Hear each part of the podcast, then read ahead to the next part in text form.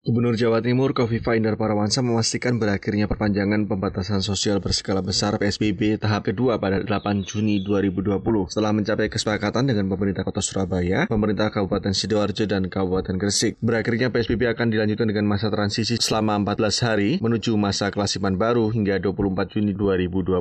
Untuk mengatur hal tersebut akan segera dibuat peraturan gubernur, peraturan wali kota, dan peraturan bupati. Jika tidak ada perpanjangan, maka PSBB sudah akan berakhir hari ini tanpa ada pencabutan keputusan dan selanjutnya akan menjadi kewenangan kabupaten kota. Wali Kota Surabaya Tri Risma hari ini menekankan pentingnya disiplin yang tinggi kepada seluruh warga kota agar perbakan kasus corona tidak malah menaikkan angka kasus corona pasca berakhirnya PSBB di Surabaya. Sampai 8 Juni 2020, angka positif corona di Surabaya mencapai 3.360 yang dinyatakan sembuh sebanyak 867 dan meninggal dunia 196. Surabaya masih menjadi penyumbang terbanyak angka kasus positif corona di Jawa Timur dari total 6.297 kasus di Jawa Timur. Permasalahannya adalah jangan sampai karena itu kemudian kita naik lagi yang sudah kesembuhan turun kemudian kita naik lagi. Artinya apa? Kita harus sangat-sangat disiplin menjaga hubungan, menjaga jarak, menjaga kebersihan. Karena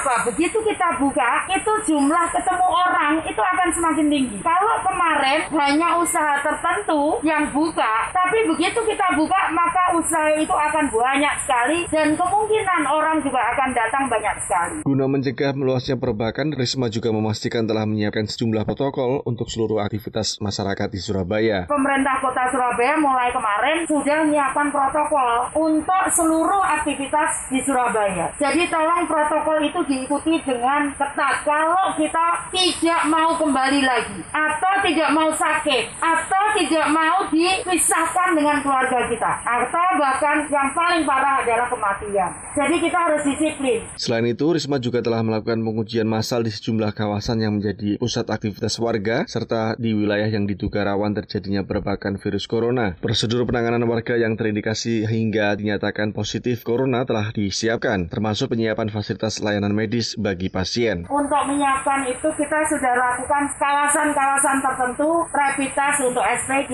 untuk bekerja di supermarket, untuk di pertokoan, di bengkel-bengkel. Itu di beberapa kawasan kita bawa. Nanti kita akan teruskan untuk memastikan bahwa mereka bebas. Jadi setelah mereka reaktif, protapnya tetap harus swab. Kemudian kalau ternyata positif harus isolasi. Dari Surabaya, Jawa Timur, Petrus Rizky melaporkan untuk VOA.